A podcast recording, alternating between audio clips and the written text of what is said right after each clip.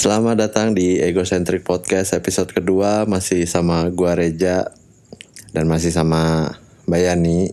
Halo. Apa Kok kabar? Reja sih? Reza. Iya Reja. kan nulisnya huruf Z. Itu tuh berarti tidak mensyukuri nama yang diberi orang tua.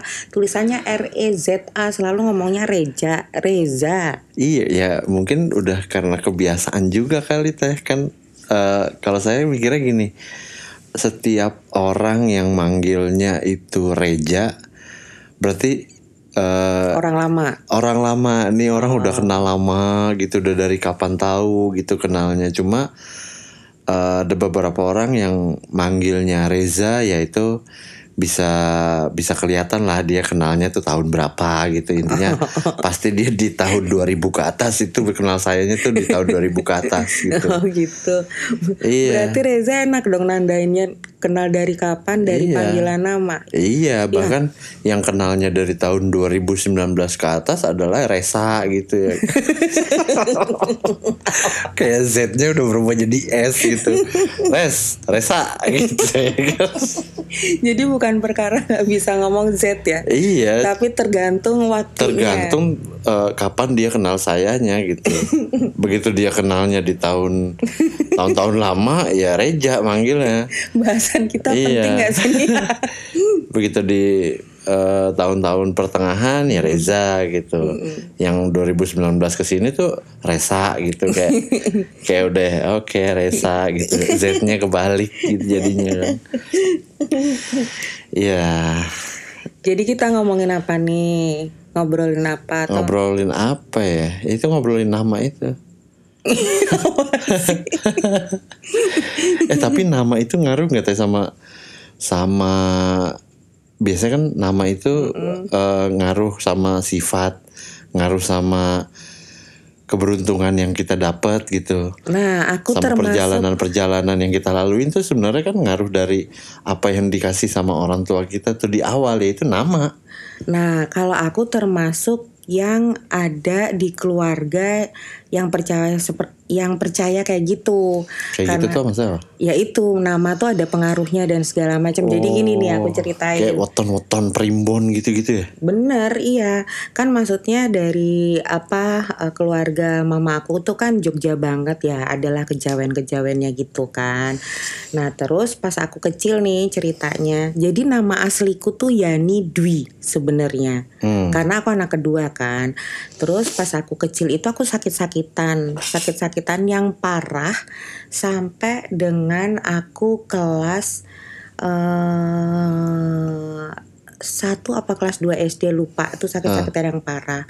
Nah, kemudian keluarga dari mama yang Jogja semua itu yang kejawen itu menghitung-hitung lah Hmm. eh, weton kayak gitu kayak gitu. Ternyata weton aku sama weton mama tabrakan, which is aku nggak tahu arti Oh, tabrakan. tabrakan. Tabrakan seperti apa itu nggak ngerti. Jadi tabrakannya itu dalam arti wetonnya mama lebih kuat, aku kemakan wetonku. Begitu ya mereka menjelaskan. Cuma literally artinya tuh aku nggak ngerti. Oh kalau di Jawa tuh ada weton makan weton gitu ya. Iya. Kalau di kalau di ABG ABG kan wah teman makan teman gitu. Iya. Kalau di Jawa, tuh ada weton makan weton. nah, terus setelah di didoa-doain menurut mereka ada sesajen yang harus disiapin terus dilarung dilarung tuh dihanyutkan. Hmm. itu harus nyari gitu aliran sungainya ke yang jalan ke arah timur atau ke arah mana itu tergantung wetonnya kita itu yang pertama. Terus aku tuh ada momen harus dipisahkan sama mamaku supaya wetonnya ini tidak berantem. Itu bagian dari ritual itu. Iya bagian dari ritual itu. Jadi aku tuh sempat Oh. pas kecil tuh protes Kenapa aku harus dipisahin dari mama? gitu. Ternyata bagian dari kepercayaan itu. Nah salah terakhirnya adalah Salah salah satu terakhirnya adalah Ternyata nama aku. Eh, oh jadi ngelakuin ritual-ritual itu tuh sebelum tahu ternyata namanya nih yang bermasalah nih. Iya. Mungkin kalau kalau kalau Jadi misalkan ritual itu justru dilakukan untuk mendapatkan wangsit apa sebab utamanya Oke. Nah, ternyata wangsit sebab utamanya itu selain no- nomor satu weton, weton mama sama weton aku tuh tabrakan. Yang kedua adalah faktor nama. Ah. Jadi setelah dikasih dicari tahu nama Yani itu kan sebenarnya diambil dari Ahmad Yani. Ah, Karena aku lahirnya kan pas 30 SPKI gitu kan. Jadi diambil dari Ahmad Yani. Which is itu ya bayangkan 30 September aja itu hari berkabung. iya. Iya kan? Sampai dulu dibikin konspirasi kan September ceria. Iya, Jadi kayak mengalihkan pikiran-pikiran masyarakat Benar. gitu kan. Suasananya sudah duka gitu loh pokoknya di Iya, bulan iya. itu untuk bangsa Indonesia paling paling enggak kan. Hmm. Terus habis itu Dwi, Dwi itu kedua. Hmm. Nah, dengan nama kedua itu aku nggak akan jadi yang pertama secara ngerti nggak sih jadi apa pun yang aku inginin itu misalnya di saat bersamaan kakakku pingin apa adikku pingin apa aku pingin apa aku nggak mungkin yang diutamakan yang diinginin jadi yang akan diutamain kakak sama adikku dulu Oh, kayak gitu misalnya ah. Setiap ada persaingan itu aku tuh akan selalu kalah. Bayangkan sudah bergabung kalah wetonnya kemakan. Makanya itu dampaknya aku sakit sakit sakitan terus. Ah. Kemudian akhirnya pakai kalau orang jatuh pakai bubur merah bubur putih gitu loh. Iya, iya. Akhirnya aku diganti namanya jadilah Yani Dewi. Ah. Tapi secara penulisan Jawa itu Yani Dewinya tuh seharusnya nyambung. Supaya Yani dari ambilan dari Ahmad Yani itu tidak berdiri sendiri. Oh. Karena kalau Yani berdiri sendiri Ahmad Yani itu sudah bergabung. Yani Dewi akhirnya disambung jadi Dewi. Dewi ya perempuan. Ini menurut Baik- siapa baik. teh? Menurut Wangsit itu. Oh. Jadi aku tuh dia harus di Dewi Dewi itu kan ya perempuan bidadari Nggak, yang, yang baik, yang jadi cantik. yang jadi leader Wangsit itu siapa waktu itu? Ya sesepuh kejawen gitu loh Reza orang keraton gitu. Oh em- emang emang ada orang keraton yang ditunjuk dan dipercaya sama masyarakat gitu ya Iya. untuk eh jadi kalau apa apa kita curhat ke dia gitu ya. Iya, jadi kayak kayak gimana ya? Kayak dia konsultasi kalau mamanya kita bermasalah kita suka ke psikolog. Nah kalau orang kejawen bermasalah itu suka ke abdi Oh. abdi keraton gitu. Oh abdi keraton itu namanya. Iya, nah udah deh terus akhirnya dikasih tahu itulah. Jadi namanya tuh harus menunjukkan kebaikan, dia terlihat, dia selalu ini. Jadilah dipilih nama Dewi supaya maksudnya tidak jauh-jauh dari Dwi karena nama aslinya Dwi kan. Hmm. Dan harus sebenarnya harusnya penulisan Jawa jadi ditulis nama itu tuh ditulis pakai huruf Hano, Hano, Hono Coroko itu. Hono Coroko. Iya, jadilah Yani Dewi yang disambung gitu. Dan percaya nggak percaya, begitu itu akhirnya eh, jadi nama Yani Dewi, kemudian akteku pun diganti menjadi Yani Dewi, walaupun nggak nyambung karena tulisan bahasa Indonesia kan kayak gitu. Hmm. Aku nggak sakit-sakitan lagi.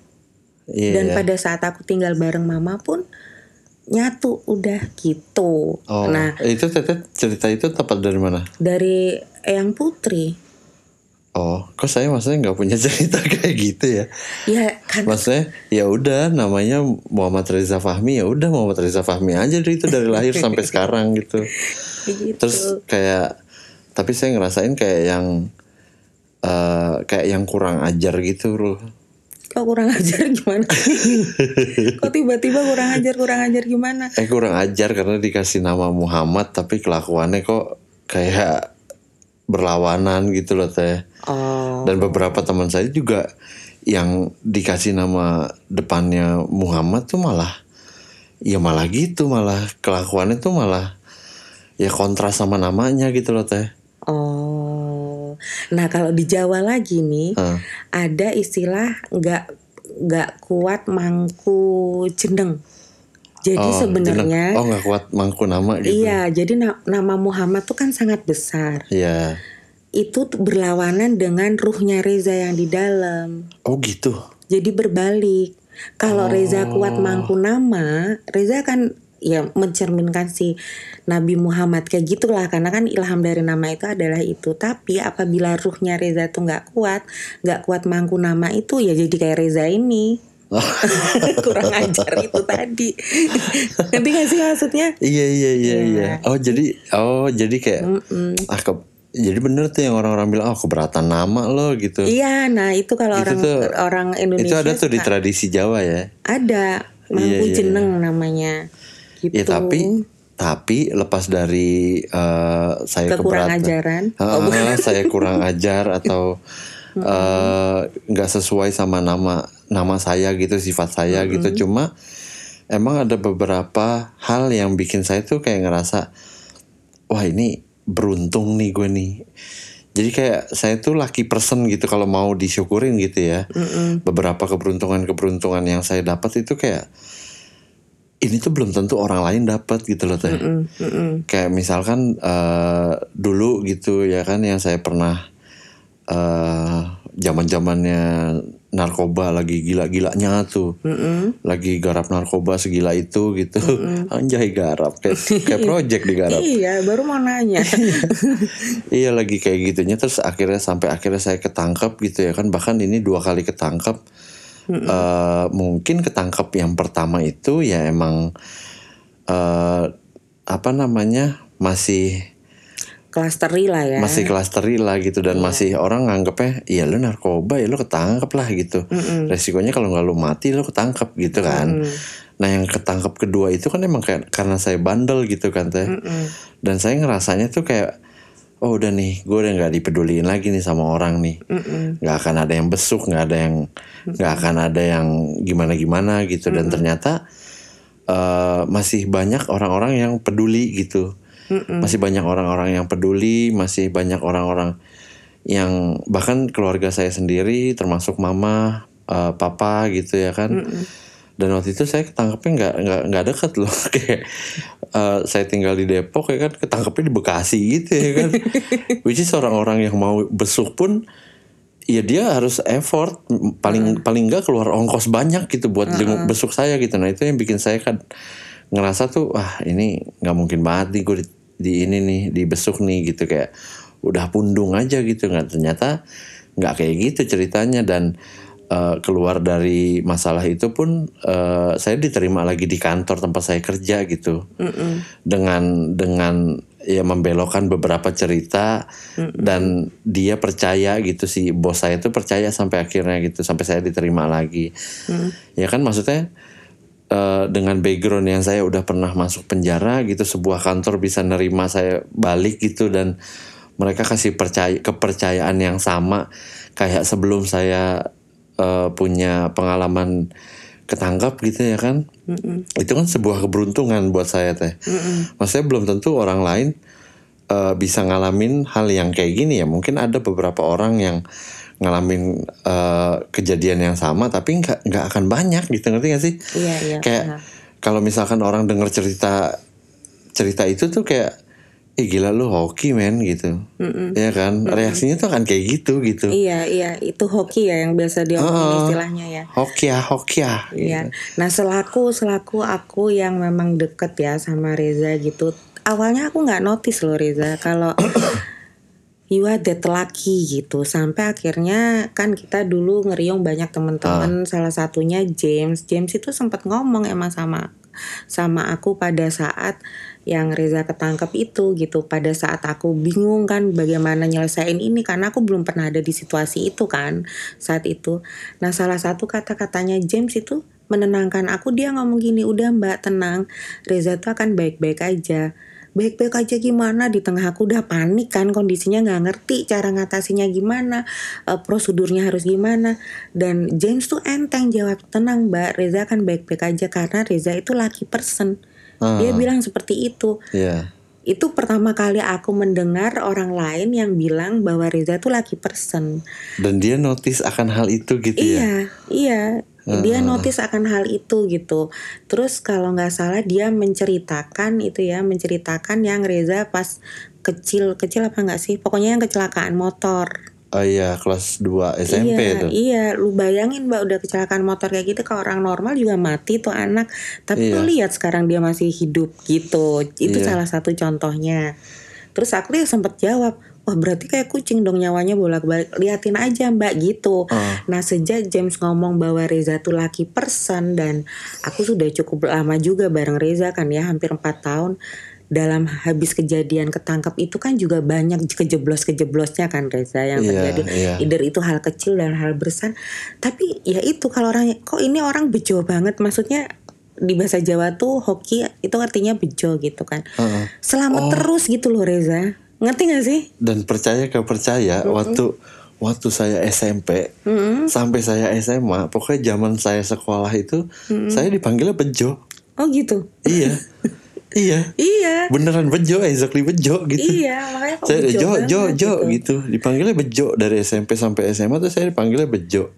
Dan ya ini saya mau cerita yang wat, yang waktu saya jatuh dari motor itu. Ya emang posisinya itu motor kenceng banget terus jatuhnya di eh, kecelakaan itu kejadiannya tuh di siang hari gitu tengah hari bolong gitu teh. kayak ya kebayang aspal lagi panas-panasnya gitu ya kan. terus saya harus eh, keseret-seret di aspal gitu kan. Jatuh dari motor jadi ceritanya itu waktu itu di jalan Kota Kembang Depok nih.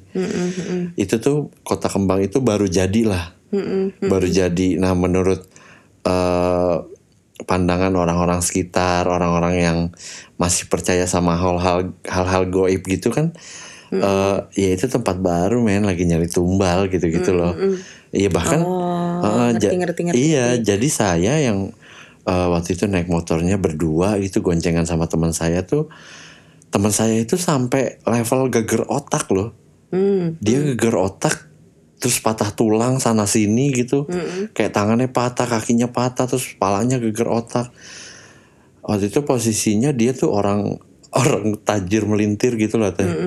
Dan motornya tuh motor bra- motor baru gitu. Kalau zaman dulu tuh kalau zaman dulu tuh ada bahasanya Endrayan jadi motor itu masih Endrayan tapi udah di udah dipacu segitu kencengnya gitu. Hmm. sehingga Ryan tuh pemanasan ya?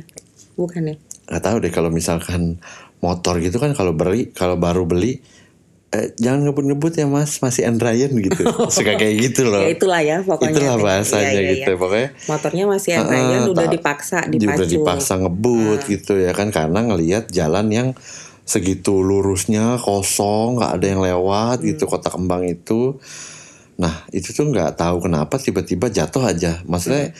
saya dan teman saya pun nggak sadar itu kenapa bisa motor itu jatuh tiba-tiba saya bangun bangun dari bangun sadar itu saya udah di duduk di trotoar gitu lagi duduk di trotoar terus dengan eh, kepala yang berdarah-darah gitu terus teman saya yang nangis gitu aduh mama aduh mama gitu gitu loh gitu di jalanan dia tengkurap nggak bisa bangun ya karena kan patah tulang itu kan. Hmm.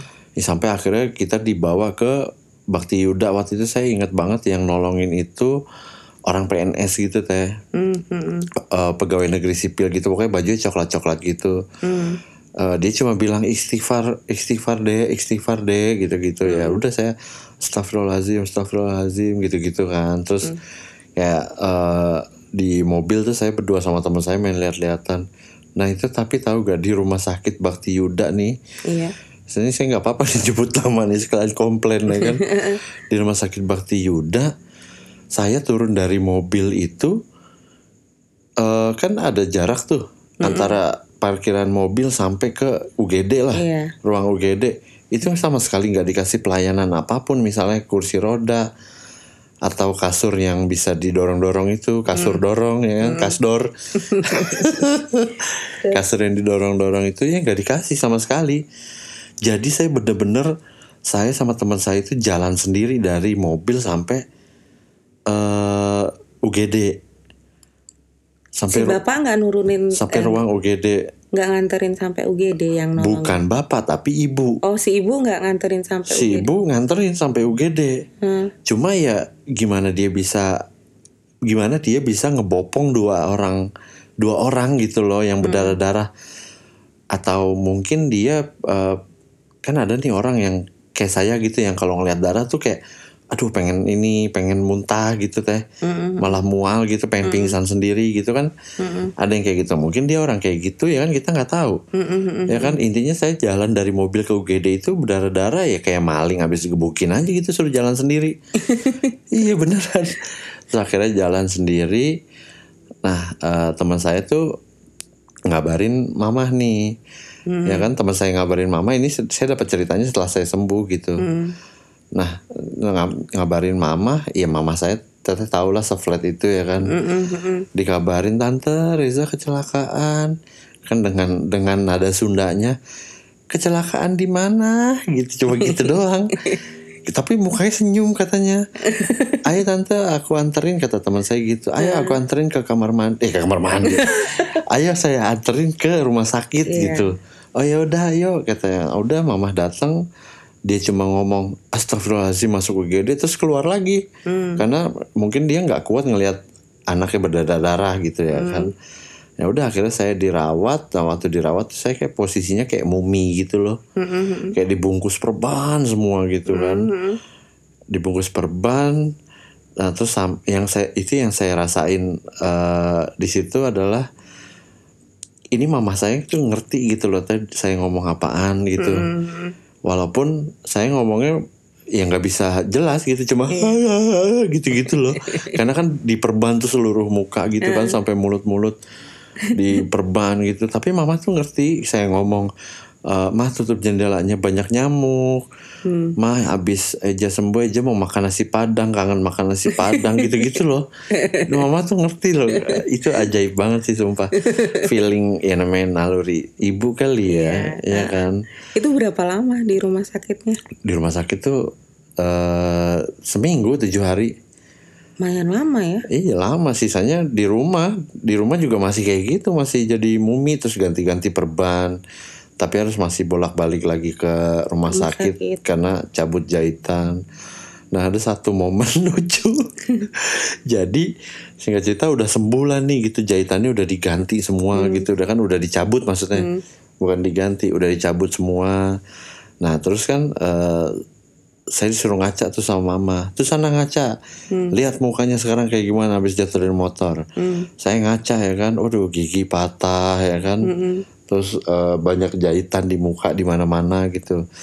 Nah saya ngerasa waktu itu rambut saya tuh kaku semua gitu kayak banyak darah gitu. Kan bekas darah mungkin ya kan. Kaku semua akhirnya saya keramas habis keramas saya mikirnya pengen apa pengen cukur rambut ah gitu. Ya udah akhirnya cukur rambut. Nah ada satu momen di mana tukang cukurnya tuh guntingnya tuh nyangkut. Kok bisa? guntingnya tuh nyangkut di kepala gitu Mas, Sekaku apa iya. rambutnya? enggak. Nyangkutnya tuh bukan di rambut. Itu nyangkutnya ternyata ada jahitan yang eh, belum dicabut. Ih, serius? Iya tapi emang udah nggak sakit ya.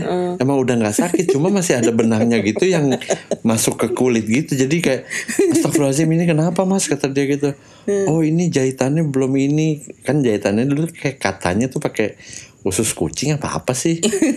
Ya kan? Begitulah dibilangnya pakai usus apa gitu yang yang eh, nggak bisa nyatu sama kulit gitu emang harus dicabut gitu. Nah mungkin ada satu jahitan yang di kepala itu yang dokternya lupa nyabut. Jadi si guntingnya tukang cukur tuh nyangkut gitu ya kan. Banget sih. ya itu maksudnya dari cerita itu tuh kayak ya iya eh, seberuntung itu gitu yang harusnya paling enggak paling enggak mama tuh tahu itu saya tuh udah mau mati gitu Mm-mm. Ingat nggak kalau saya naik motor bandel-bandel tuh mama pasti ingat nggak dulu pengen mati, ingat nggak dulu pengen mati gitu-gitu terus jadinya sekarang dijadiin bahan gitu ya kan. Ingat nggak dulu mati? Iya paling nggak saya nggak patah tulang, nggak geger otak gitu loh. Iya daripada mati sekalian gitu ya kan. paling nggak saya nggak geger otak nggak patah tulang kayak teman saya gitu. Ini padahal harusnya ceritanya cerita dramatis ya. Iya. Tapi kok aku ketawa? Ya karena emang ya gitu maksudnya berkat keberuntungan itu kan kayak ya di apa hari berikutnya akan jadi cerita lucu gitu ya.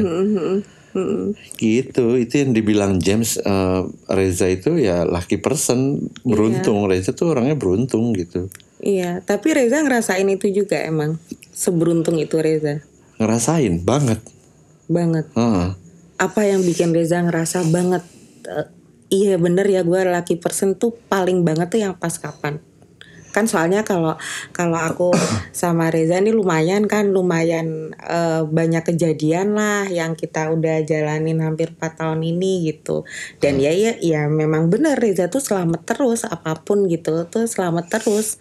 Kayak kayak selalu ada yang nolongin terus gitu loh gitu. Nah yang Reza ngerasain banget itu tuh apa ya pas ini pas eh, ketangkep yang kedua kemarin itu tuh beruntung gitu.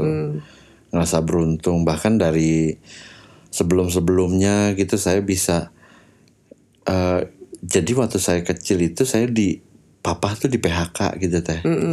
Di PHK terus dia tuh nggak bisa ya otomatis keluarga saya jadi susah kan. Jadi nggak ada penghasilan. Itu hampir berapa tahun gitu papa nggak dapat kerjaan gitu karena ya emang umurnya juga udah tua gitu dan kayak dia ketinggalan gitu loh. Nggak kayak sekarang tuh udah zamannya digital. Papa kan tukang gambar gitu kan di proyek kan. Nah terus dia masih gambar itu kayak manual gitu loh. Oh. jadi dia ketinggalan jelas susah gitu dapat kerjanya. Nah, nah, tapi ada aja gitu kayak yang ngirim beras karung tahu-tahu. Hmm. Hmm. ya lepas itu keberuntungan saya atau keluarga saya gitu ya tapi saya eh, ikut merasakan dampaknya gitu dari keberuntungan itu gitu teh atau mungkin sekeluarga gitu beruntung semua gitu ya kan Tapi setelah setelah ini ini baru pertama kali kita ngomong apakah memang Reza adalah keluarga yang beruntung. Artinya bukan cuma Reza aja. Setelah aku pikir-pikir kayaknya memang keluarga yang beruntung. Karena pas kejadian Reza ketangkep itu, Hah? Itu kan momen di mana aku bertemu semua anggota keluarganya Reza ya. Nah, Bahkan yang Reza sendiri nggak pernah cerita pun akhirnya aku ketemu kan Iya. gitu ya. iya Ketemu orang-orang semua itu. personil itu ketemu Iya, akhirnya dan di antara semua orang itu yang ada in that moment itu tidak ada satupun yang bisa membantu loh sebenarnya. iya Ngerti gak sih? karena keluarga Artinya- saya yang flat gitu loh modelnya Iya, Eh, bukan nggak bisa gini dalam dalam kondisi Reza ketangkep terus kita kan udah tahu prosesnya harus kayak gimana butuh biayanya berapa dan segala macam dari dari sat- satu pun dari mereka itu tidak ada yang punya kemampuan baik secara finansial ataupun secara mental bukan mental ya iya mental benar Iya benar. mental kan secara mental untuk menghadapi itu. Aku Iya. inget banget tuh pas yang kejadian itu eh, udah cerita juga ke Reza sih tapi itu inget banget. Oke pokoknya nanti Mbak Yani diantar ke sini, Mbak Yani diantar ke sini. Aku datang ke rumah Reza, kakaknya Reza itu yang ada habis mencret-mencret. Saking ketakutan mau nganterin aku ke kantor polisi gitu. Terus akhirnya dia nggak jadi nganterin gitu loh karena nggak berani. Karena nggak berani. Itu itu yang aku Oh. maksud hampir semua keluarganya Reza itu secara mental itu nggak ada yang berani menghadapi situasi itu. Iya. secara finansial juga nggak cukup lah intinya untuk menjalani proses dan segala macam kayak gitu. Tapi Reza berhasil keluar gitu. Iya. artinya mer- semua sekeluarga posisinya down. Terus pas Reza keluar kan leganya dirasain semua kan? Iya. Seberuntung itu. Padahal kalau dipikir effort ya. Effort juga mereka tidak mampu gitu. Iya. kayak kayak kayak iya yang yang terus ya jadi nangis deh.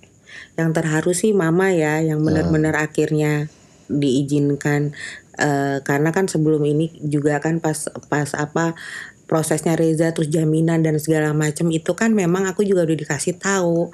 Eh, ditanya juga kan sama yang ngedampingin polisi dan segala macam Anda siapanya aku bingung tahu Reza ditanya aku siapanya aku bingung iyalah ngejawabnya kayak bukan gitu. keluarga ya Iya, kan keluarga bukan, pacar bukan, mau ngomong temen kerja, kadang iya kadang enggak. Jadi aku tuh juga bingung kan, aku bingung di situasi itu.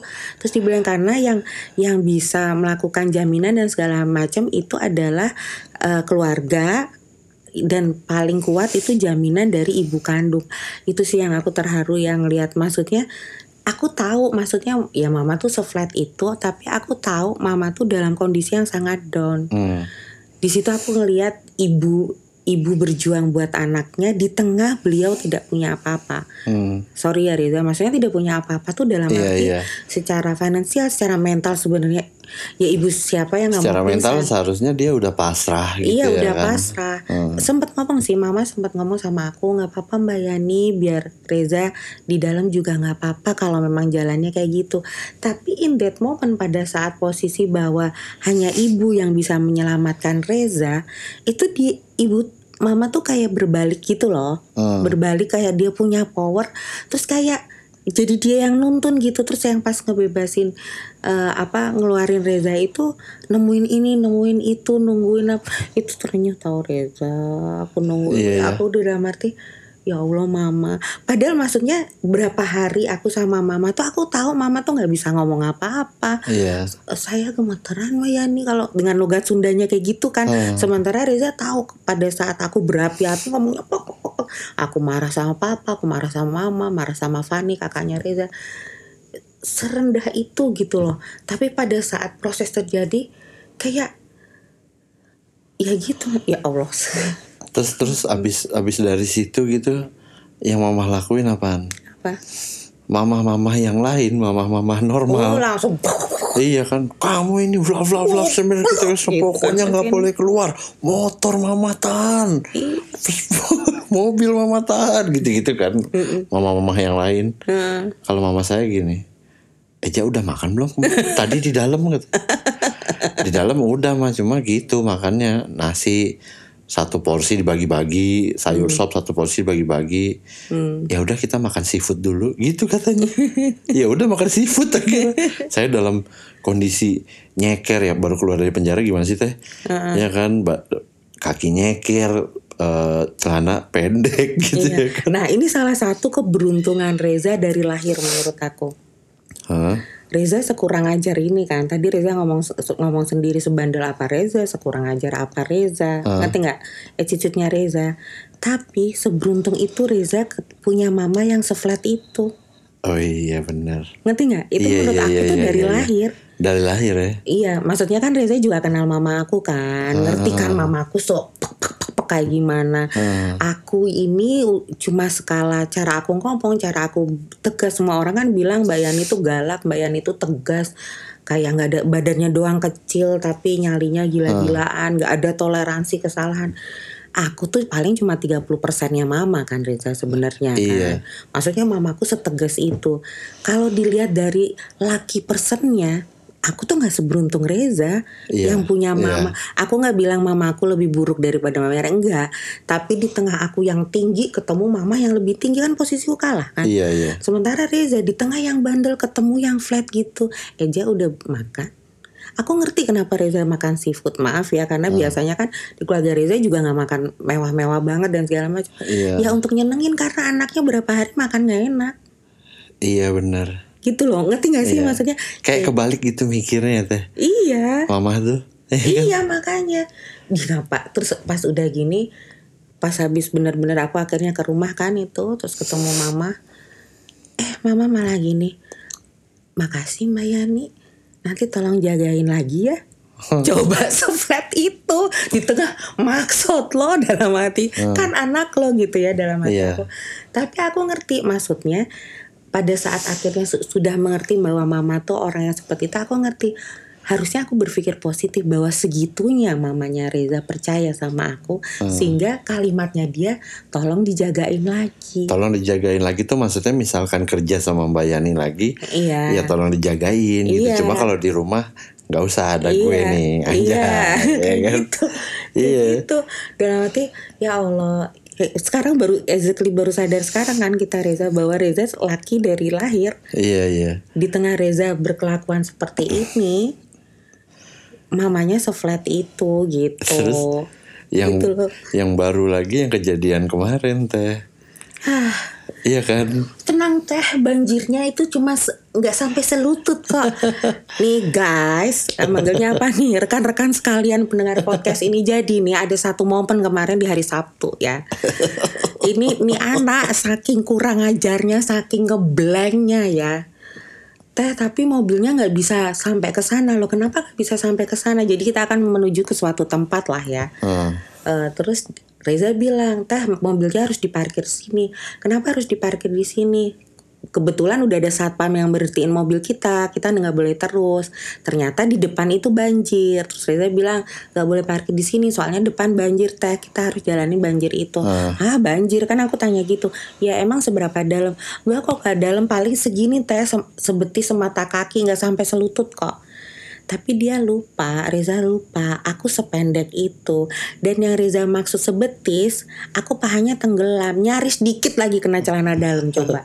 itu aku sampai, padahal aku udah pakai celana pendek. Baru pas udah di tengah jalan, kok tambah dalam katanya selutut, katanya selutut. Tapi karena kita udah dalam kondisi yang memang Selututnya selutut saya. Iya, udah dalam kondisi genting, aku pun baru sadar.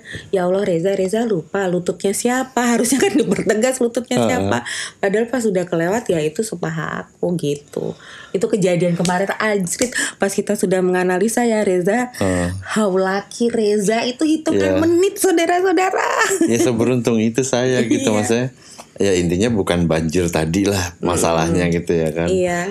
Cuma kayak ada eh, satu masalah yang pokoknya intinya saya pacaran sama pacarnya orang gitu ya teh. Mm-mm. Ya karena saya nggak tahu juga kan eh, si cewek ini bilang kan dia udah putus Iya. sama pacarnya ya kan. Ya nggak ada salahnya dong saya masuk. Mm-mm. Ya nggak ada salahnya saya masuk tuh ada di pikiran saya doang loh karena di di ya paling nggak di sekitar kita tuh di di sekitar kita di circle kita di Indonesia ini ya kan ada tradisi di mana mantannya temen nggak boleh pacaran sama kita nggak boleh pacaran sama mantannya temen. Hmm. ada tradisi kayak gitu loh. Oh gitu. Iya kan? Kalau kalau lo pacaran sama mantan temen lo oh lo sakit. Lo nggak setia kawan gitu. Seasik itu loh orang-orang Indonesia sebenarnya. Asik masalahnya. Iya dah. Terus eh, singkat cerita si cewek ini ngekos lah gitu ya kan. Terus saya beberapa kali main ke kosannya gitu nah si cowoknya ini ya teh nggak terima. DM DM teteh kan? Iya. DM DM teteh eh, minta untuk ayo kita gerbek bareng. Wah itu berasa kayak lagi di film Susana tau gak lo? Ya kan? Kenapa kayak di film Susana? Ya karena se se se village itu gitu tingkahnya ya kan? Sekampung itu gitu. Aduh gila mau digerebek nah tapi ya mau nggak mau kan kita harus terima bahwa eh, apa adat-adat kayak gitu masih ada loh teh yang kayak Sebenarnya bukan adat sih tapi karena udah kayak pendapat publik oh ya opini publik op- itu opini ya publik itu kebentuknya bahwa kalau lo pacaran sama mantan pacar teman lo berarti lo nggak setia kawan. Nah kebetulan Reza berada di circle itu yang semuanya berpendapat Reza itu Iya. adalah ngerebut pacarnya orang padahal kondisinya udah putus gitu kan. Iya, iya maksudnya lepas dari saya lepas dari mereka udah putus atau belum, intinya si cewek ngomong gini, si cowok ngomong gini gitulah, beda, Iya, beda, gitu eh, iya. omongannya. Jadi Versi cowok belum putus tapi lagi ada masalah gitu. lagi break gitu katanya, wah gila main bola kali ya ada breaknya. nah terus eh, karena saya nginep di kosannya si cewek ini, ya kan jadi si cewek ini tuh, eh jadi si apa karena saya nginep di kosan si cewek ini si cowok ini tuh lama-lama tahu gitu. Lama-lama tahu kalau saya eh, sering nginep di situ gitu dan dia punya punya feeling eh punya punya rencana untuk ngegerebek saya sampai dia ngajak-ngajak teteh itu kan. Iya. ya kan? Nah sebelumnya sebelum saya dikontrakan itu teh di kontrak di kosan si cewek ini saya tuh di rumah mamahnya. Mm-mm. di rumah mamahnya. Nah terus eh abis dari rumah mamahnya, karena waktu itu nungguin hujan kan buat balik ke kosannya dia. Tapi ternyata hujan nggak berhenti berhenti nih, Iya. ya kan? Akhirnya saya mutusin, saya sama dia mutusin untuk udah yuk kita naik grab car ini ya kan, nggak apa-apa lah hujan-hujanan dikit gitu. Mm-mm. Akhirnya saya cabut tuh sama dia ke kosannya dia, Mm-mm. naik grab car itu ya kan. Nah nggak taunya setelah saya cabut beberapa menit kemudian si cowok ini tuh datang Ke rumah mamanya. ke rumah mamahnya Hmm. datang ke rumah mamahnya dan oh dia mencak-mencak lah gitu teriak-teriak terus main masuk sembarangan gitu ya maksudnya sekampungan Kalap itulah lah ya. ah, kalap lah gitu entah itu pengaruh eh, alkohol atau apa ya lepas dari pengaruh itu semua ya dia melakukan itu karena dia ngerasa eh wah hubungan gue yang lagi break nih diganggu-ganggu nih ya kan Iya, istirahat jadi gue diganggu dia- nih ya kan? Iya bisa jadi karena segitu cintanya dia juga kali. Karena iya kan iya kalau dari apa si cowoknya ini kan kalau cerita ke aku bahwa hubungannya ternyata sudah lama juga kan empat tahun katanya gitu iya. mungkin tidak terima di situnya hubungan yang terjadi selama empat tahun ya pastilah ada fase di mana mereka saling mengisi jatuh cinta namanya empat tahun ya. Dan itu yang dia perjuangkan menurut aku ya. Makanya ketidakterimanya karena hubungan udah selama itu kok secepat itu beralih ya kan? Dengan nah iya. secepat itu beralih sementara dia merasa belum putus belum belum belum menyelesai belum selesai kita tuh hubungan masih ada hubungan kita lagi sama-sama berpikir untuk nyari solusi terbaik kok kamu tiba-tiba sama lelaki lain Iya. itu yang bikin dia ngamuk-ngamuk gitu Tapi saya sempat kepikiran gini teh lepas dari dia break beneran atau enggak, saya nggak akan percaya ada pacaran yang namanya break gitu, hmm. ya kan? Karena menurut saya ya aneh aja kenapa lo harus break anjing ketik menurut saya gitu loh. Mm-mm. Kenapa harus ada break pacaran? Ya kalau kita ngejalanin pakai hati kan nggak mungkin kita mau kita ngerasa capek gitu loh. aku nggak bisa nggak bisa bilang menentang itu nggak bisa bilang sependapat juga ya Reza karena aku sendiri aku pribadi aku udah pernah nikah udah divorce gitu kan pada saat akhirnya kita memutuskan benar-benar divorce itu memang ada istilah pisah ranjang Reza tahu kan Iya. itu aku menjalani proses pisah ranjang selama kurang lebih tiga bulan akhirnya sampai keputusan untuk ya kita divorce gitu ya nah mungkin kalau di istilah pacaran Iya, mungkin kalau di istilah pacaran break itu break itu pisah, pisah ranjang. Nah. tapi kan bukan berarti pernikahan itu sudah bercerai Iya, nah, Nah, itu. di tengah mereka lagi pisah ranjang ini, Mm-mm. mungkin si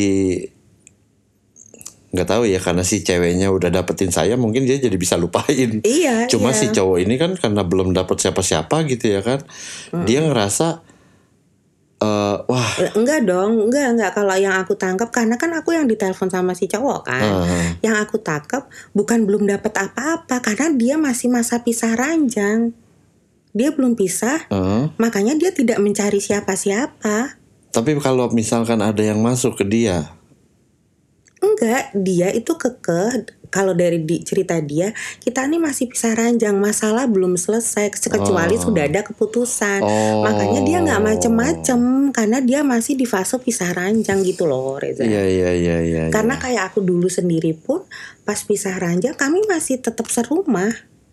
Oh. Berangkat pagi pulang bukan Ah. pisah ranjang dia di rumah mana saya di aku di rumah mana kita tetap benar-benar serumah eks sebagai orang tua kan aku juga udah punya anak cuma dia tidur di mana aku tidur di mana dalam arti aku tidur di kamar sini dia tidur di kamar dan itu berlangsung tiga bulan Hmm. berlangsung tiga bulan gitu selama masa tiga bulan itu pun kami tidak aku tidak ah gue mau cerai nih gue enggak karena niat kita memang pada tujuan karena pada dasarnya pisah ranjang itu kan koreksi diri ya Iya, kan iya. koreksi diri Iya. masing-masing peran sebagai istri peran sebagai suami seperti apa sampai dengan oh aku kesalahannya ini kesalahan ini mari kita perbaiki end up-nya tujuan dari pisah ranjang itu adalah rujuk bukan cerai Nah sama Ah. yang aku lihat bagaimana dia cara menyampaikan walaupun berantakan menyampaikannya ke aku ya. Hmm. Tapi maksud dia break itu adalah koreksi diri untuk akhirnya kita pada saat memulai hubungan lagi kita harus melakukan apa.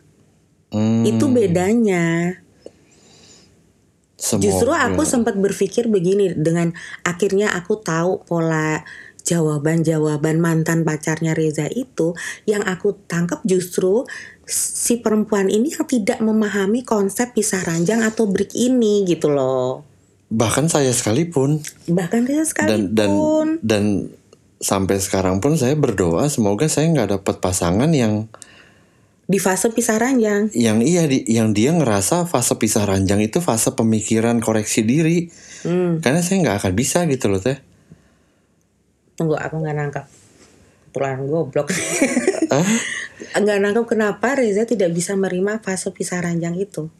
yang enggak menurut saya misalkan kita punya Boleh hubungan sambil ngerokok sih. Minya- misalnya ngerasa. kita punya hubungan gitu ya kan terus eh Oh, oh ngerti ngerti. Maksudnya Reza itu kalau umpamanya punya hubungan katakanlah pacaran atau menikah, kalau kalau nerus ya terus, kalau cerai ya cerai, nggak usah pakai melewati fase pisah ranjang gitu kan iya. maksudnya. Saya nggak mau nggak mau nggak mau ada kayak gitu maksudnya. Itu itu dari mana saya juga nggak tahu asalnya dari mana ya pisah ranjang. Koreksi diri pribadi gitu ya kan. Eh koreksi diri masing-masing gitu ya kan. Cuma lepas itu benar atau enggak, ya saya kayak nggak nggak kayaknya saya nggak bisa deh kalau misalkan harus ada ada fase itu gitu loh. Nah itu lebih tepat Reza, nggak bisa bukan nggak nerima.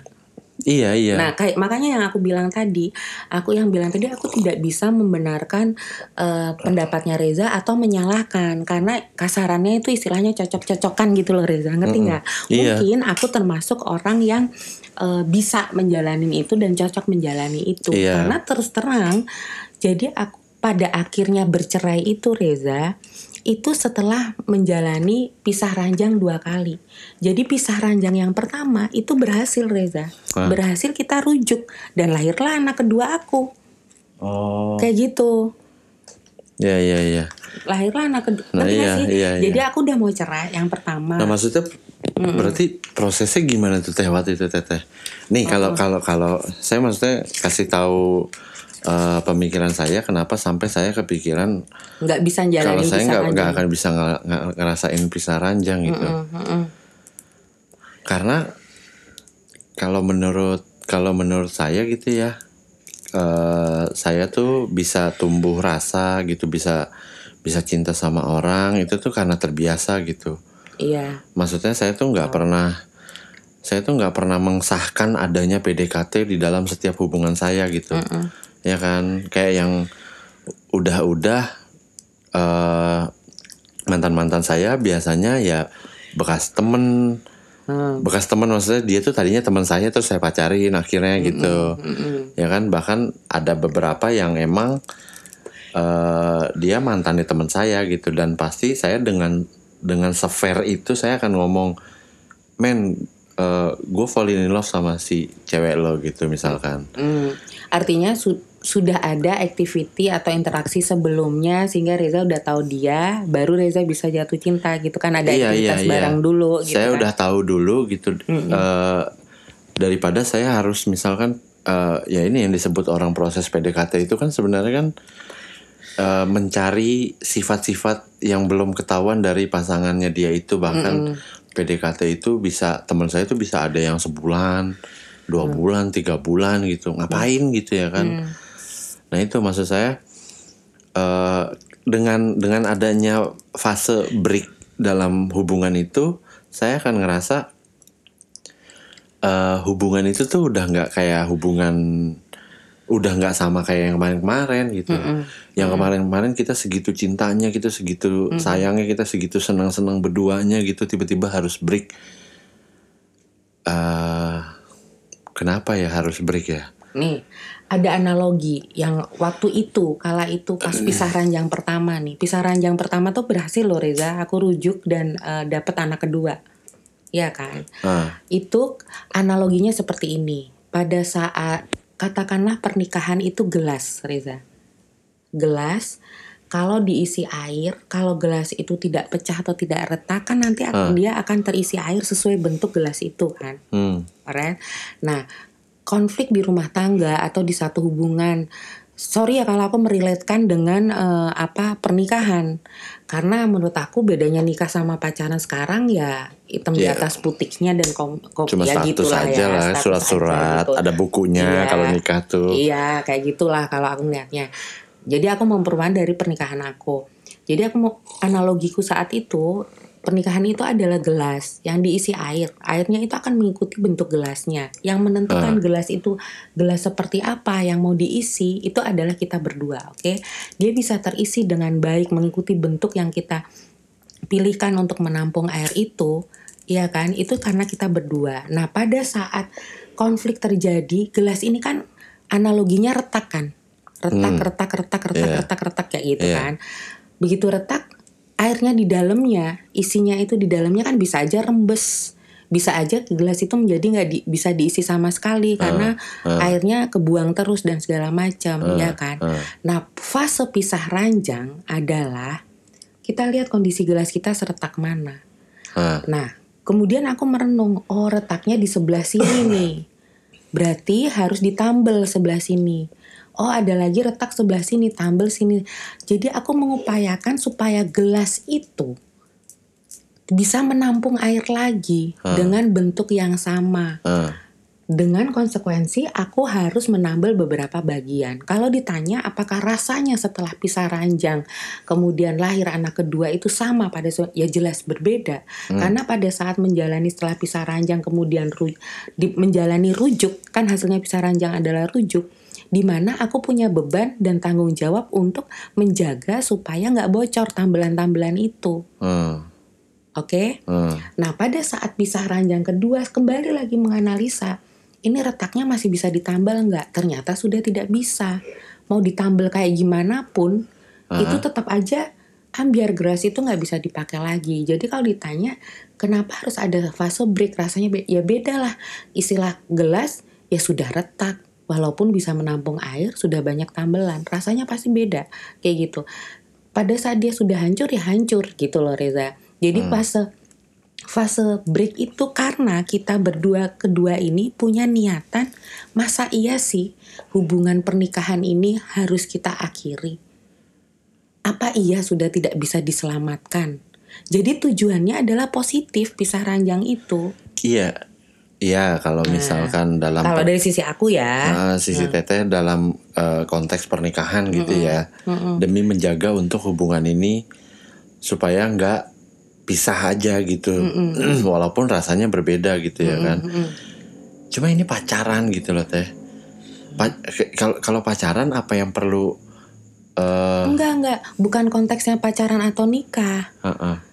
bedanya mungkin ya mereka berdua ini si cowok dan mantannya Reza yang ngerebut itu itu tuh tidak ada kesepakatan kalau aku dulu sama mantan suamiku memutuskan pisah ranjang gimana kita berdua sepakat sampai pada tujuan kita jaga pernikahan ini Oke. Nah, pada saat terjadi break, terjadi konflik yang terjadi, ini ada kesepakatan nggak? Yang satu kekeh putus, yang satu break dulu deh kita eh, koreksi diri dulu eh, untuk mempertahankan dan nyambung lagi. Nah, ini ada kesepakatan itu. Jadi bukan perkara ini fase pacaran atau perkara ini pernikahan, tapi tujuannya dilakukan pisah ranjang atau break ini tuh apa? Enggak maksud saya gini loh, Gitu. kalau kalau dalam sebuah hubungan gitu ya, misalkan kita harus koreksi koreksi diri gitu, ya kalau koreksi diri kita akan deal sama diri kita sendiri, maksud saya gitu loh. Ya enggak dong kalau Enggak enggak, kalau koreksi diri kita akan deal sama diri kita sendiri. Hmm. Misalkan kalau saya nih, ya mungkin karena ego saya gede ya, saya akan berpikiran, eh misalkan saya bilang ini gue salah nih, kalau saya kayak gitu ke dia gitu misalkan. Nah terus saya mikir lagi, enggak ah, nggak salah, orang guanya yang terbaik buat gua itu kok gitu. Hmm. Cuma kan kalau misalkan kita diskusi bareng, Mm-mm. ya kan hasilnya akan akan timbul hasil yang buat bareng-bareng gitu loh.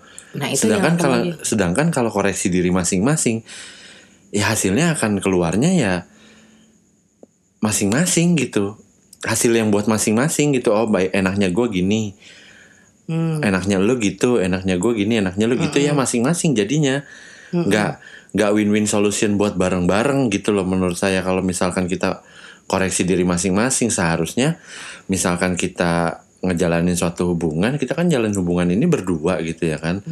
Kalau ada masalah yang berkaitan sama hubungan kita berdua ya kita kelarin berdua. Menurut saya gitu.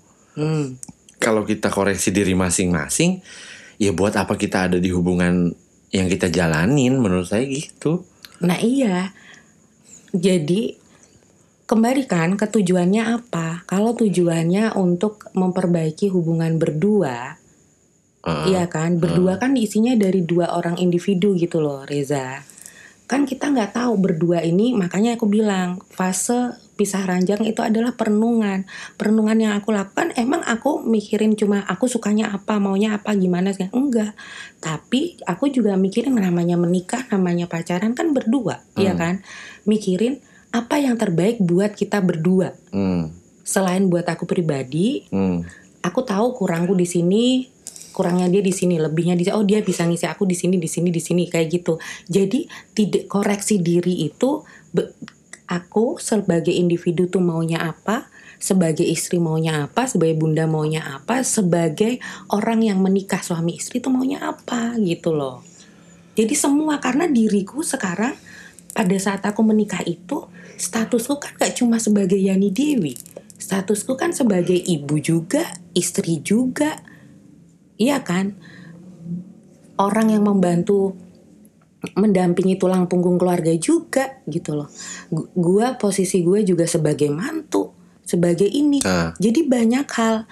Aku nggak bisa ngomong Yani Dewi as individu doang yang koreksi diriku tuh nggak bisa ngomong Yani Dewi as individu juga. Nah kalau Reza memang egosentriknya gede yang Reza sampaikan tadi Reza hanya memikirkan Reza sebagai Reza Fahmi. Reza tidak memikirkan Reza sebagai pacarnya siapa. Karena Reza Fahmi dengan Reza pacarnya siapa pasti berbeda Iya. aturan iya. mainnya Heeh. iya kan Ya karena saya yang kayak yang saya bilang tadi, saya tuh biasa pacaran dengan kebiasaan gitu. Jadi saya udah tahu dia dulu kayak gimana. Hmm. Oh baik nih dia nih gitu. Nah dengan dengan adanya eh, break itu, itu tuh itu tuh saya yakin saya akan berpikiran, oh berarti gua jeleknya di sini nih, jeleknya di sini dia nggak bisa terima gue di sini, dia nggak bisa terima gue di sini. Itu akan akan bikin saya punya pikiran berarti lu bukan buat gue. ya seego itu Reza Iya, ujungnya iya, tetap iya. Reza itu iya, maksudnya Iya. Oh, berarti lu bukan buat gue gitu. Saya kan mikir kayak Reza gitu. nggak iya Reza nggak kepikir kan oh lu nggak suka gue di sininya itu kan berarti Reza sebagai pacarnya dia kan Ah, lu nggak suka gue di sininya lu suka gue di sininya lu benci gue di sini lu cinta gue di sini gitu ah, terus Reza langsung mengcompare langsung dengan Reza sendiri iya. tapi Reza nggak come out dengan oke kalau lo maunya gue yang kayak gini berarti gue perbaiki pada saat solusinya kan harusnya Reza dasar berpikirnya adalah Reza sebagai pacarnya dia Reza mengolah solusinya adalah bagaimana menjadi pacar yang baik dong bukan solusinya adalah bagaimana Reza ini oke Iya. Iya, harusnya kayak gitu. iya. Cuma kalau saya mikirnya akan malah ya gitu. Maksudnya dengan ego yang saya punya, saya akan mikirnya wah berarti deng- dengan dengan dengan kita break ini akan ada mengalah mengalah yang lain yang sebenarnya nggak bisa saya kalahin dengan ego saya tinggi itu gitu. iya Yang bisa ngalahin ego saya itu adalah pasangan saya sendiri menurut saya. Mm-mm. Jadi break itu bukan bukan bukan pemecahan masalah kalau buat saya ya. Mm-mm. Karena ego saya pasti akan menangin diri saya gitu. Yang bisa mengalahkan ego saya menurut saya ya pasangan saya sendiri. Dengan caranya dia apa pun itu. Mm.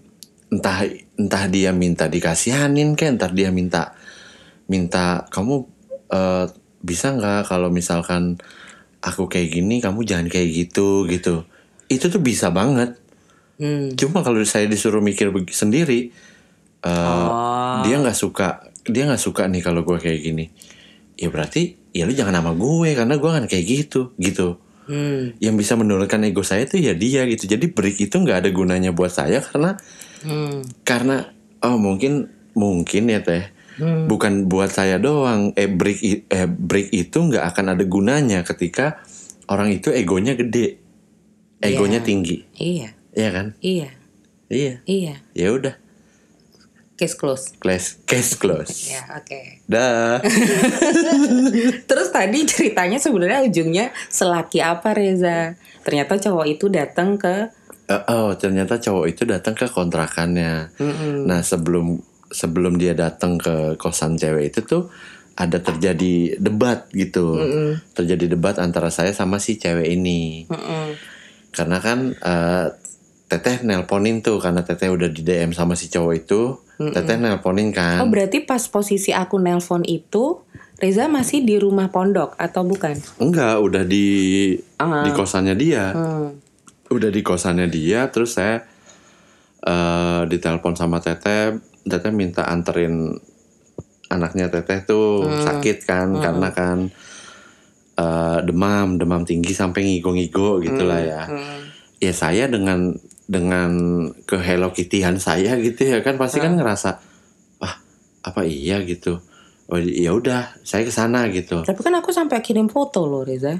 Iya, ya udah saya ke sana gitu. Terus Hmm. saya izin lah sama si cewek ini gitu. Oh.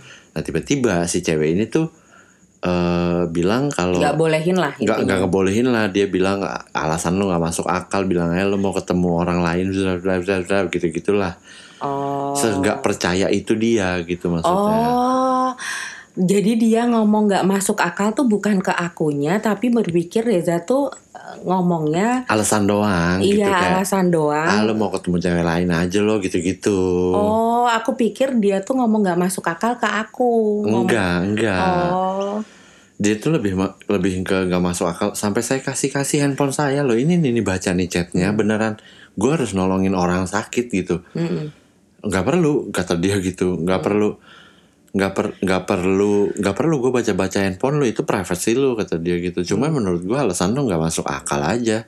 Emang dia tinggal Berarti dia berarti dia belum ngerti sisi Hello Kitty-nya Reza. nah iya belum. Karena emang baru kan hubungannya Iya. kan ya belum tumbuh lah pemikiran-pemikiran kayak gitu. Terus Ah. sampai akhirnya eh, saya sempat mutusin waktu itu nggak nggak nggak nggak nggak nggak nggak pergi itu Karena males dituduh yang enggak enggak karena itu. malas dituduh yang enggak enggak gitu ya kan. Terus eh, ya udahlah saya lebih milih untuk eh, baik-baikin dia waktu itu. Sampai akhirnya anak teteh yang satu lagi tuh nelpon saya kan. Yang kebetulan saya emang deket sama dia gitu ya kan. Sampai dia anak teteh yang satu lagi nelpon lagi eh nelpon saya terus bilang om eh, bantuin ini emas sakit gitu. Ya kan? Ya udah akhirnya saya dengar suara jelek. Dengar suara dia tuh langsung wah gua harus cabut gitu. Akhirnya saya mutusin pergi udah saya siap-siap Mm-mm. pakai sepatu masukin eh, semuanya ke dalam tas gitu laptop apa segala macem. Nah si cewek ini tuh sempat bilang ya udah nggak usah balik lagi gitu. Pergi-pergi aja nggak usah balik lagi gitu. Mm. terus saya ta- tapi tetap bilang gue balik lagi gue balik lagi gitu ya kan. Sampai akhirnya saya mutusin nggak bawa tas laptop saya lah gitu ya kan. Eh, buat jaminan supaya dia percaya kalau saya ini balik lagi gitu. Ya udah akhirnya saya pergi nerabas banjir ya kan? Karena kebetulan waktu itu di komplek lagi banjir kan? Saya nerabas banjir waktu itu posisinya hujan-hujan saya udah pesan grab dan abang grab itu nggak bisa nyamperin ke Dalam. ke dalam karena eh, kondisinya banjir gitu di tengah-tengah gitu. Sampai akhirnya saya nerabas banjir jalan ke depan ke tempat yang udah nggak banjir lagi Ah, naik grab. Nah di grab itu sepanjang perjalanan tuh saya kepikiran wah gila sih. Eh, emang ini keputusan yang bener yang saya ambil gitu. Saya harus harus mentingin kasarannya nyawa orang gitu. Maksudnya lepas it- dari itu percintaannya gimana? percintaannya gimana ya udah saya harus harus mentingin nyawa orang. nyawa orang dulu gitu. Bahkan bahkan misalkan yang minta diselamatin nyawanya itu tuh bukan orang deket sekalipun gitu. Ya saya harus kalau Tetap bersikap seperti itu. kalau emang saya yang ditunjuk untuk nolongin ya emang harus nolongin. harus nolongin gitu. Ya udah akhirnya saya mutusin untuk jalan gitu. Ya sampai akhirnya nyampe ke apa ke rumah teteh gitu ya kan. Hmm.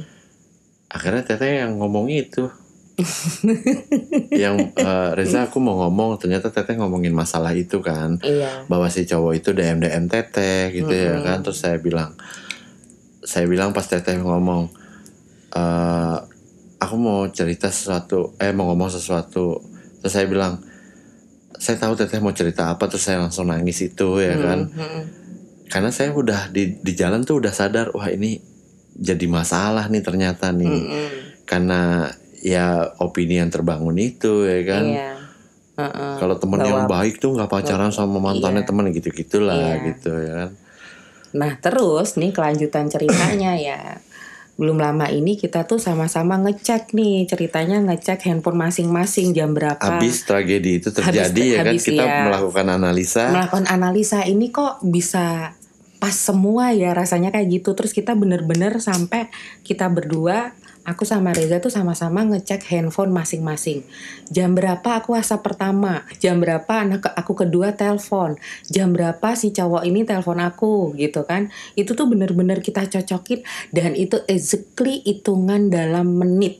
Jadi pas Reza bilang tadi sudah sampai rumah teteh, itu kepasan dia ditelepon sama laki-laki itu si cowoknya kan yang nggak terima ini Iya. ternyata si cowok ini sudah sampai di kos si cewek Iya. Menggerebek benar-benar digerebek di sana Wah. itu beneran Reza it's only not more than 9 minute itu tuh aku bilang sem- 9 menit nah pada saat Reza tadi juga sempat cerita kan pada saat Teteh yang eh, ngomong dibilang eh, di, Reza menjelaskan harus nolong orang kayak gitu segala macam dan ternyata tidak dipercaya alasannya di- malah dituduh iya. macem-macem Reza masih sempat memutuskan untuk tidak jadi pergi.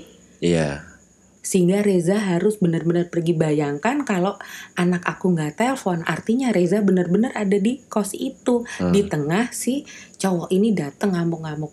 Dan singkat cerita pas saat ini cowok ini datang ke kos si cewek ini itu ternyata rame banget sudah bawa masa. Singkat ceritanya seperti itu. Bukan udah bawa masa teh, dia tuh teriak-teriak. Iya teriak-teriak sehingga masa keluar Mengundang Iya, massa untuk mengundang. datang. iya Ada apa sih teriak-teriak iya, gitu? iya Oh, ada perebut cewek orang gitu.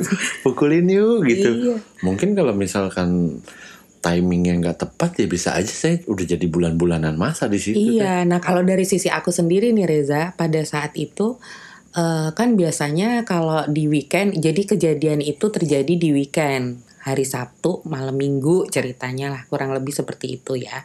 Jadi biasanya di weekend tuh aku sendiri loh. Karena anak-anak itu biasa dijemput nih. Ini ini yang pas selanjutnya.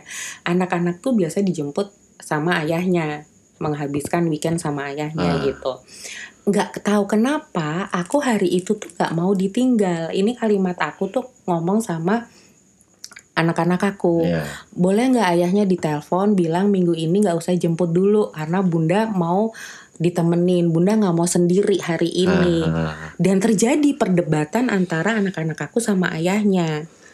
Ayahnya ngotot mau jemput anak-anaknya nggak. Bunda minta ditemenin bundanya nggak mau sendiri gitu ya terus singkat cerita ayahnya nurutin kebayang dong kalau hari itu aku membiarkan terjadi kayak weekend-weekend sebelumnya artinya pada saat anak pertama aku sakit ah, berarti tidak ada kejadian Ah. di mana aku panik ah. menelpon Reza dong Iya. untuk nolongin Iya, karena iya. berarti posisinya anak aku yang sakit lagi bersama ayahnya dong Oh iya bener. Oh. ngerti nggak maksudnya Iya aku iya nggak iya. tahu iya. kenapa itu dari pagi nggak mau ditinggalin bunda pokoknya mau ditemenin tanya sama anak-anak aku kalau nggak percaya yang biasanya Re- Reza tahu kan seenteng itu aku deal with ayahnya anak-anak oke dijemput jam berapa di hari itu tuh terjadi perdebatan duluan di pagi harinya perkara mau jemput jam berapa dijemput atau tidak. Dan aku ngotot nggak dijemput. Kalau ayah tetap ngomong mau ngejemput nanti bunda yang ngomong sama ayah supaya kalian tidak dijemput gitu. Hmm. singkat tapi yang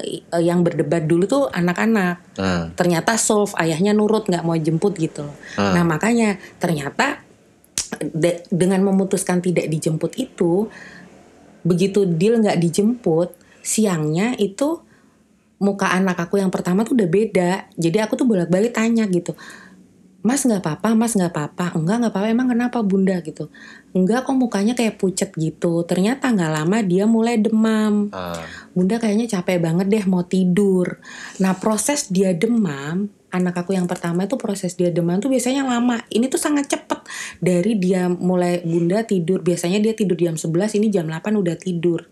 Nah pas mulai jam 11 jadi itu benar-benar tengah malam hujan deras, hujan angin. Aku udah mikir eh panasnya semakin tinggi, semakin tinggi. Anak aku segede Reza. Bagaimana gue bisa gendong, bisa apa kan kayak gitu. Jadi bayangan singkat cerita, bayangkan kalau hari itu ayahnya menjemput, berarti tidak ada momen di mana aku panik anakku sakit. Karena dia sama ayahnya. Kalau aku tidak ada momen di mana anakku sakit, aku tidak mungkin menelpon Reza. Hmm. Dan anakku yang kedua nggak mungkin juga nelpon Reza untuk minta tolong, mempertegas bahwa bundanya tidak bohong. Hmm, iya. Karena kejadian itu nggak akan ada. Iya. Kalau sampai anak aku kedua tidak telepon Reza, Reza tidak akan pernah tergerak karena sudah sempat memutuskan untuk stay di situ. Iya, pertama Iya kan? pertama si cewek ini marah kalau saya sampai pergi. Hmm, Kedua, kondisi di luar hujan. hmm, Ketiga, banjir. hmm. Ya kan? Kayak banyak banget rintangannya ya Iya, kecil kemungkinan untuk saya memutuskan untuk pergi. untuk pergi udah gue cabut deh gitu. Ah, Dan ya akhirnya saya harus merapas banjir, harus eh, ngelewatin hujan gitu ya kan. Harus hujan-hujanan untuk maksain eh maksain diri saya pergi gitu teh. Ih ternyata ada kejadian itu setelahnya gitu. Iya. Yang yang bikin saya ah gila. Iya, jadi kita berdua tuh sempat yang pas akhirnya sudah lewat masalah ini menganalisa gila bener-bener laki person Reza ini hitungan menit tipis banget. Bayangkan kalau begini Reza, bayangkan kalau begini Reza. Dan pada saat kita membayangkan worst case yang terjadi itu, itu sumpah itu Reza tuh bakal hancur. Bahkan teman-temannya Reza tuh ada yang ngomong, Mbak, untung Mbak Yani telpon. Untung dalam tanda petik anak aku yang pertama sakit. Eh, Anak-anak tuh sampai Iya, ngomong iya. kayak gitu. Untung Iya, dalam dalam iya. penting anak sakit. Kalau enggak hancur mbak, hancur dalam arti Reza secara fisik karena dipukulin dan segala macem. Secara nama baik karena masa sudah kumpul itu. Iya. Itu tuh teman-teman Reza tuh pada ngomong gitu. Mbak, sumpah mbak, lo itu tuh memang penyelamatnya Reza banget. Guardian Angel. Sampai aku dapat title Guardian Angel karena apa? Di setiap Reza kejeblos, status apa pun, mau masalah kecil, masalah gede, yang ditunjuk jadi Guardiannya Angel sama Gusti Allah itu selalu aku. Hmm. Tadinya aku tuh kayak kan Reza namanya lagi kasmaran ya, itu bisa dibilang kita lost contact lah. Intensitas kita sebagai partner ini tuh sempat hilang lah. Terus aku pikir ya sudah, eh, maksudnya dia have another thing yang bikin dia happy atau someone yang bikin dia happy, yang penting dia happy di di pikiranku seperti itu ya. Jadi benar-benar lost contact dan aku juga sudah tidak ada keinginan untuk intens menghubungi Reza dan segala macam enggak. Artinya di fase itu tuh aku sudah ikhlas. Cuma ada rasa ya biasanya kita ngobrol bareng dan segala macam kayak kehilangan momen-momen kita diskusi kayak sekarang inilah gitu. Sebenarnya yang merasa paling hilang di tengah kemarin tuh momen-momen kita berdebat, kita punya pikiran ruwet dan segala itu momen-momen yang hilang. Terus aku tuh sempat dalam hati ngomong gitu. Kalau memang eh, aku masih bisa bareng sama Reza pasti ditunjukin jalan dan tapi di sisi lain itu tuh aku merijek gitu loh. Ya sudah dia sudah happy, sudah happy sampai di titik aku segitu ikhlasnya. Begitu Reza datang di rumah aku dan aku ngerti kenapa aku dikasih keikhlasan karena kalau aku nggak ikhlas aku nggak akan kuat ngadepin itu semua loh. Sebe- Iya. Seberat itu sebenarnya Maksudnya ngebantuin saya ngangkat saya dari masalah ini itu gitu karena ya. jatuhnya dalam yang sekarang gitu kan Iya, iya. jatuh dalam tuh kalau buat versi aku eh, aku selalu ngomong sama anak-anak bukannya sombong apa enggak. Tapi selama apa pun yang masih bisa ditebus materi itu tuh enteng. Tapi kalau mamanya eh, segala sesuatu yang terjadi kesialan-kesialan yang terjadi itu menyangkut mental psikis atau nama baik itu berat. Ngangkatnya berat. Dan Iya. it's happen sekarang Iya, gitu. iya, iya. dan kok iya tanpa hujan eh, dengan hujan deras dengan angin kencang orang yang nggak aku kenal which is pacarnya si mantannya Reza ini telepon aku tengah malam. Di tengah aku sudah siap tidur. Di tengah aku udah siap tidur karena nggak tahu kenapa juga ngantuk. Di saat dia telepon nengok ke kanan anak aku yang gede ngigo ngigo gak karu-karuan. Iya. jadi dia telepon anakku ngigo. Jadi aku juga nggak concern karena panik. Sampai kan anak aku yang kedua cerita sama Reza itu bunda tuh sampai keluar masuk om keluar masuk Iya, iya. karena aku berusaha ditelepon eh, si cowok ini biar anak-anak nggak denger gitu kan Hmm. jadi aku sempat keluar tapi di sisi lain aku khawatir karena Lana ngigo-ngigo nggak karu karena anakku yang pertama ngigo-ngigo nggak karu-karuan keluar masuk keluar masuk gitu loh terus pada saat Reza dateng itu loh Gusti Allah tuh ngasih momennya pas banget Iya. Kita tidak perlu momen lama untuk berbicara dan saling mengerti gitu ya Reza. Kenapa cowok ini telepon pas Reza turun di rumah? sehingga Reza sudah dapat clue apa yang aku omongin. Bayangkan kalau tidak dia nelpon tidak sesaat sa- sebelum Reza sampai di rumah. Iya. Pasti Re- Re- ngapain sih Reza akan munculnya apa? Nggak keluar aslinya. Enggak teh saya nggak kayak gitu kayak gitu kayak gitu. Masih punya momen waktu untuk berpikir Iya. Membohongi aku, ngeles sama Iya, aku bahwa seolah-olah tidak ada masalah. Iya. Ah, Ini kayak Reza pun nggak dikasih kesempatan berpikir selain mengaku gitu loh. iya. Ya paling enggak eh ya itu termasuk apa momen terakhir yang saya alamin bagaimana beruntungnya saya gitu ya. Heeh. Dan paling enggak di empat tahun terakhir ini partneran sama Teteh ya ada Teteh yang jadi guardian angelnya gitu ya kan.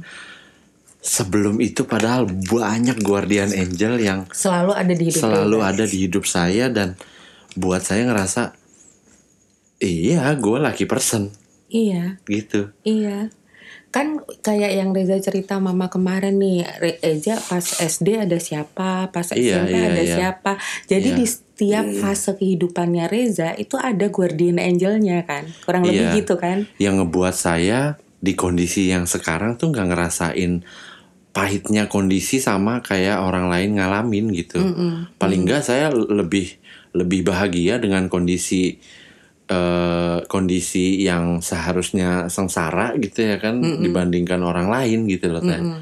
Iya makanya kan aku juga suka ngomong sama Reza Gila Gusti Allah tuh segitu cintanya dan sayangnya sama Reza loh. Selalu di saat Reza akan dicoreng nama baiknya Akan jatuh, akan kejeblos Reza diselamatin, Reza diselamatin terus loh. Aku tuh kan pernah ngomong gitu kan sama Reza Coba yang lainnya. Ya contoh ketangkep. Banyak kok teman-temannya Reza yang harus ngejalanin sekian lama sekian lama. Eh Reza selamat, Mm-mm. Iya Iya, kan? iya, iya. Dari teman-teman Reza ada kan yang ngejalanin contohnya. Contohnya lagi, banyak kok yang berijazah dan segala macam. Reza gak punya ijazah, ijazahnya hilang. Kerjanya orang-orang bilang kerjaan lu keren. Coba. Mm-mm. Bahkan saudara saya yang kuliahnya udah sampai satu gitu ya Iya. kan, Mm-mm. dia pernah bilang sama saya kalau eh bilang dia dia bilangnya ke mama saya gitu Hmm. kayak "Eh, si Eja tuh enak banget ya kerjanya gitu padahal dulu gue pengen banget kerja kayak si Eja gitu cuma nggak nggak nggak pernah bisa gitu. Hmm. Ya mama dengan flatnya cuma ngomong makannya bergaul gitu. Nih salah satu lagi nih laki personnya Reza. Apa? Jadi ceritanya nih Reza sekarang lumayan aktif kerja dengan rekan kerja aku yang lainnya. Ah, Dan segitu langsung klopnya kenapa? Tanpa kita sadari kenapa ya kok bisa segitunya eh, temen aku itu ke Reza, rekan kerja aku tuh ke Reza. Telaah punya telaah karena sama-sama orang Sunda. Kebayang kalau rekan kerja aku bukan orang Sunda. Emang Iya. secepat itu dia kasih kepercayaan ke Reza? Iya makanya pas saya masuk ke ke kerjaan yang sekarang tuh kayak kirain saya tuh ekspektasi saya tuh nggak nggak nggak nggak se sesunda ini gitu Iya. suasana kerjanya gitu dan ternyata pas saya masuk ke kantornya orang Sunda semua serius ya kan udah orang Sunda semua ini kerjaan yang gue suka udah fix ini rumah gue gitu ya Iya. kan Nah terus ini nih salah satu kelebihannya Reza walaupun end resultnya adalah lucky person. nah Jadi pada saat Reza itu kan susah ngomong ya. Hmm. Jadi aku tuh selalu ngomong ya teman-teman Reza itu pikirannya kotak-kotak. Jadi pikirannya sudah ruwet tapi tidak dia tidak bisa mengungkapkan dan merangkai kata-kata. Kenapa selama ini selalu mendampingi aku adalah satu-satunya orang yang bisa merangkai kotak-kotaknya Reza dalam satu rangkaian kata gitu kan. hmm, nggak? translator lah ya Iya, jadi jadi translatornya transla- translatornya Reza lah jadi selama ini. Nah, Reza itu selalu berada di lingkungan orang yang memahami Reza tanpa Reza bicara. Hmm, Iya kan? hmm. Kayak sama bosnya sekarang. Iya kan?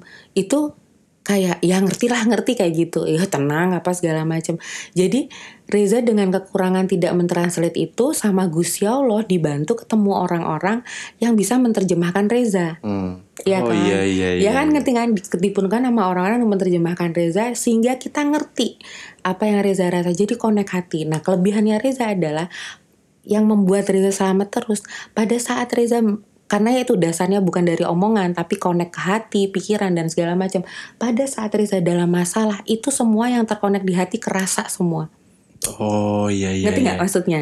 Dari mulai bosnya, aku yang bisa nerjemahin Reza, Iya, iya, iya. Iya kan? Terus sahabatnya Reza, si Iya, Agnes, semua yang Ah. yang connect ke hati itu tuh Iya. akan berasa semua, semuanya berasa semua. Iya. Oh, Jadi iya. sinyal yang dikirimkan hatinya Reza ke kita dengan keterbatasan Reza nggak nggak nggak terlalu pintar ngomong, itu nyampe semuanya. Tidak ada satupun yang tidak berasa di kejadian momen ini.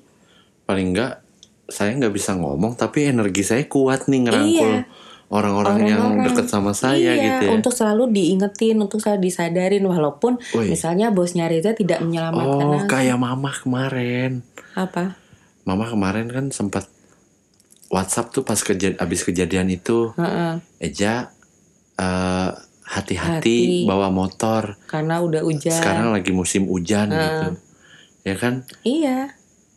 Hati-hatinya tuh kan jadi maknanya luas kan Iya, Reza? mungkin yang yang Mama rasain yang mama rasain was saya dalam kondisi terancam nih cuman mama nggak tahu terancam apa, ya Iya. oh motor nih Eja nih harus hati-hati nih bawa Iya. motor nih ingat dua SMP pengen mati Iya. Iya kan? iya, iya kan? iya iya koneknya kan? ke sana mama Terus kayak bosnya Reza juga nelponin terus kan. iya Are you okay? Beres nggak? Walaupun bahasanya gitu kan. bro ya kan Iya. gimana Sehat, baik, bro gitu, ya kan, Kayak baik seolah-olah gitu. Reza dalam kondisi yang lagi nggak sehat kan. iya iya iya iya Gitu iya. loh. orang-orang itu kayak kerasa saya lagi nggak sehat cuma mereka nggak tahu ini Reza Ap- kenapa iya, gitu ya Reza nggak sehat tuh nggak sehat apa. Ah, kok- Tapi kita kok- berasa iya, ada kok- sesuatu. kok feeling gue kayak nggak enak gitu ya Mm-mm.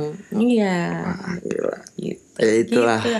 How lucky you are Reza. Sometimes aku jealous. Pernah kan aku ngomong, aku bingung di Reza tuh maksudnya secara penghasilan nggak gede lah, nggak banyak banyak, nggak banyak banyak banget. Tapi Reza itu selalu dapetin yang apa yang Reza mau dan selalu ditunjukkan orang yang mau membantu Reza mewujudkan keinginannya Reza.